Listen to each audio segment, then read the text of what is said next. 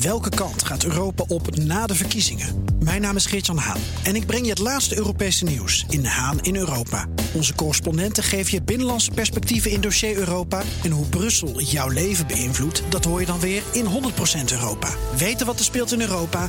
Luister naar de programma's van BNR. BNR De Wereld. Blik op Europa. De Brexit-onderhandelingen hebben het punt bereikt waarop het lijkt alsof er een nieuwe paus gekozen moet worden. So far, no white smoke. En dat was de woordvoerder van de Europese Commissie enkele uren geleden. En als het iets duidelijk maakt, is het wel dat Europa vol verwachting, maar ook met angst en beven kijkt naar hoe de Britse premier Theresa May de boel probeert te redden. Europa-verslaggever Jesse Pinster. Jesse, het draait nu allemaal om een Noord-Ierse politieke partij die weigert akkoord te gaan met de plannen voor de Ierse grens. Uh, beginnen er al barstjes te komen in dit verzet? Nee, totaal niet. Die uh, weigeren mee te werken. Dan gaat het dus om de DUP, de Democratic Unionist Party. Nog even, waar draait het nu precies om? Er moet een akkoord liggen over de scheiding. Excuus. Uh, en daar uh, is nu de Ierse grens het heikele punt. Er was al een akkoord wat er lag. En daarin stond, even in mijn eigen woorden. Als we geen andere oplossing vinden, dan belooft de Britse regering dat in Noord-Ierland EU-regels van kracht blijven. Dan heb je geen grens nodig. Nou, daar heeft de DOP van gezegd dat accepteren wij niet. Er mag geen verschil zijn tussen Noord-Ierland en de rest van het Verenigd Koninkrijk. Nou, dat is de padstelling waar we in zitten. Brussel en Londen willen bij de Europese top van volgende week zorgen dat er een akkoord komt over deze scheiding. Nou, de DOP niet de partij om nou heel erg bang te worden van een Brusselse deadline. Ik bedoel, dit is Noord-Ierland. Dit is een partij ja. die waarschijnlijk een autobom voor de deur verwacht als ze aan het onderhandelen zijn.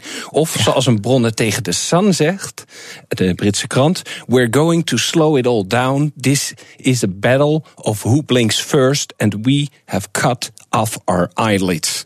Wie knipt er het eerst? Maar wij hebben onze oogleden er al afgeknipt. Nou, probeer daar maar mee te onderhandelen. Durft mee uiteindelijk te gokken dat de DUP aan het bluffen is? Nou ja, want, ja, want het is wel een beetje bluff natuurlijk. Dit is een partij die heeft 10 zetels van de 650 in het Britse parlement. Maar ze hebben nu alle macht. Dat is allemaal de schuld van Theresa May zelf. Want ze heeft die verkiezingen een half jaar geleden uitgeschreven. Had toen ineens geen meerderheid meer. En leunt nu op deze Noord-Ierse partij. En uh, ja, daar komt ze dus niet vanaf. Maar je zou kunnen denken, die Noord-Ieren, als ze de hele boel opblazen. Want die kant gaat het bijna op. Dan hebben ze helemaal niks meer te zeggen met die 10 zetels. Dus het is wel een beetje bluffen. Maar wil ze daar doorheen prikken, dan heeft Theresa May ook lef nodig. En de vraag is, heeft ze dat wel? Een EU-diplomaat deze week in The Guardian. De kern van het probleem is nu dat May, die durft geen beslissingen te nemen... en ze is bang voor haar eigen schaduw. Dan komt die Economist daar nog eens een keer overheen. Van als je denkt dat ze een slechte politicus is... het is in de werkelijkheid nog veel erger. Het is een middelmatige vrouw met gemiddelde meningen... en gemiddelde vaardigheden, als ze die überhaupt al heeft.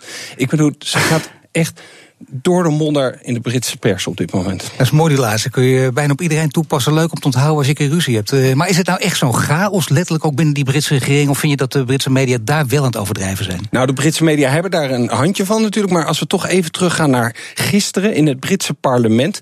Er zouden allemaal geheime berekeningen zijn van wat de brexit nou eigenlijk voor gevolgen zou hebben voor allemaal sectoren. Dat was het verhaal van David Davis. De hoofdonderhandelaar bij de, uh, aan de Britse ja. kant. Nou, en nu was hij in het parlement. En wat blijkt?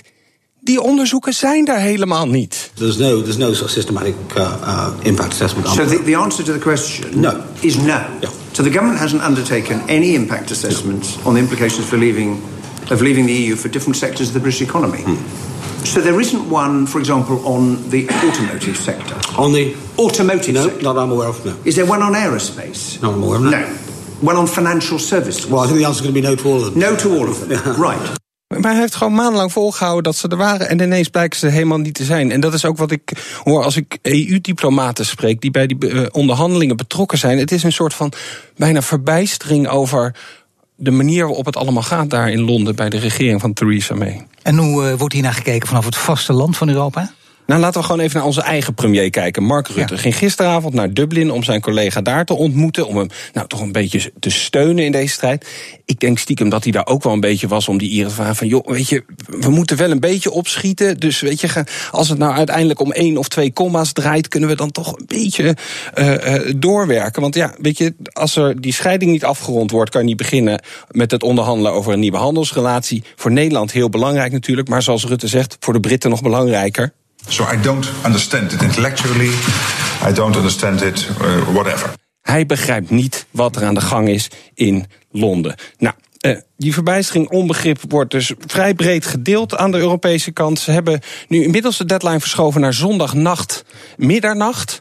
Uh, nou, dan moet er iets liggen, maar zelfs Jean-Claude Juncker laat al een beetje doorschemeren van als het op het laatste moment moet aankomen, op woensdagavond voordat we donderdag aan die top beginnen, dan moet dat misschien maar zo zijn, want hij vreest werkelijk dat Theresa May anders vertrekt als premier. Wat een analyse, hè? Dankjewel, Jesse. Ook Diana Matroos vind je in de BNR-app. Ja, inderdaad. Je kunt live naar mij luisteren tijdens de Big Five. Ook handig in de BNR-app. Breaking nieuwsmeldingen, maar ook het allerlaatste zakelijke nieuws. En je vindt in de app alle BNR-podcasts, waaronder Wetenschap Vandaag. Download nu de gratis BNR-app en blijf scherp.